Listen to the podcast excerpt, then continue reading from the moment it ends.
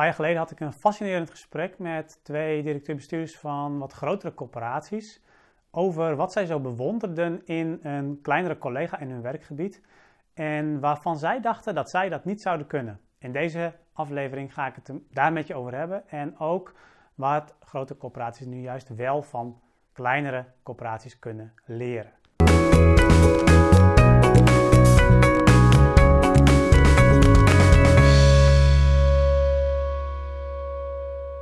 Dat gesprek dat, uh, vond dus plaats in het kader van een, uh, van een visitatie van die wat kleinere collega-coöperatie in het werkgebied. En uh, we hadden daar als visitatiecommissie de collega-coöperaties uitgenodigd om ook over die coöperatie te praten. Hoe doen zij dat ja, in het werkgebied en, en, in het overleg, et cetera.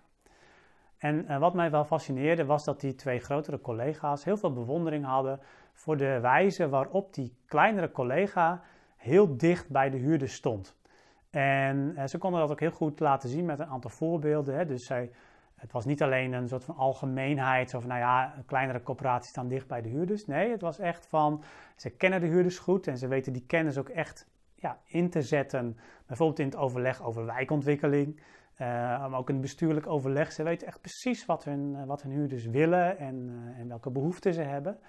Uh, ze kunnen ook heel goed inspelen op als er problemen zijn in een complex. Ja, dan hebben ze die feitelijk al opgelost voordat het echt grote problemen worden. Um, ja, en ze worden ook gewoon heel goed gewaardeerd door hun, uh, door hun huurders. Hè. Dus, en ze zeiden dat, die grotere collega-corporaties, dus ze zeiden dat met een soort van, van ja, um, wij kunnen dat niet, want dat kun je alleen maar doen als je klein bent. En ik denk dat dat een, eh, een, een, een, verkeerde inschatting is. Ik denk dat grote corporaties ook wel degelijk heel dicht bij hun huurders kunnen staan. En dat ze daarin ook heel veel kunnen leren van kleinere of nou ja, sowieso eigenlijk corporaties. Want er zijn zo, zowel kleine als grotere corporaties die dit doen. Uh, van corporaties die al wel heel dicht bij hun huurders staan. Daar kunnen ze gewoon iets van leren. En dat zijn eigenlijk, je hoeft eigenlijk maar twee dingen te doen om echt goed dicht bij je huurders te staan.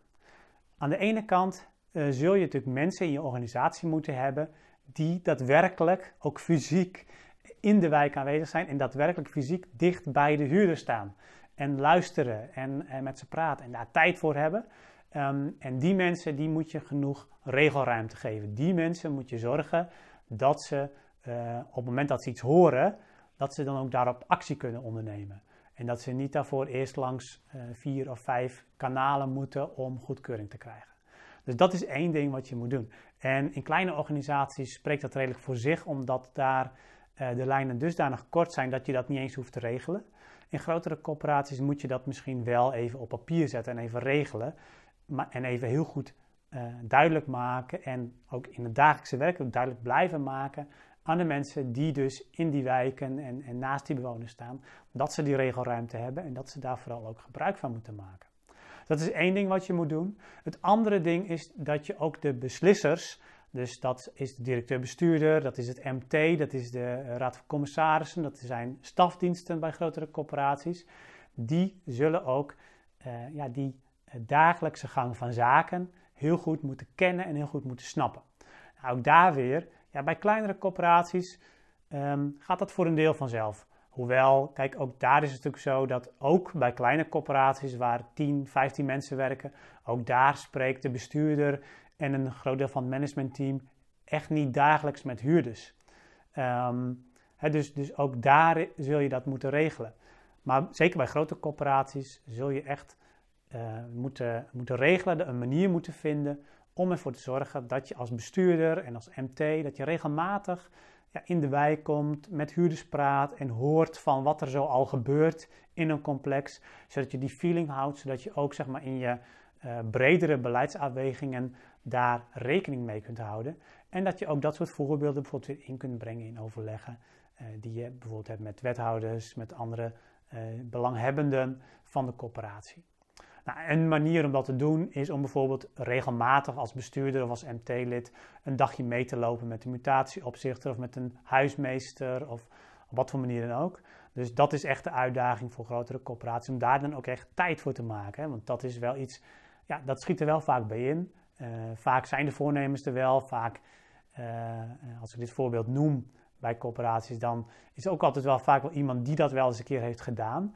Maar dit zul je echt op structurele basis moeten doen.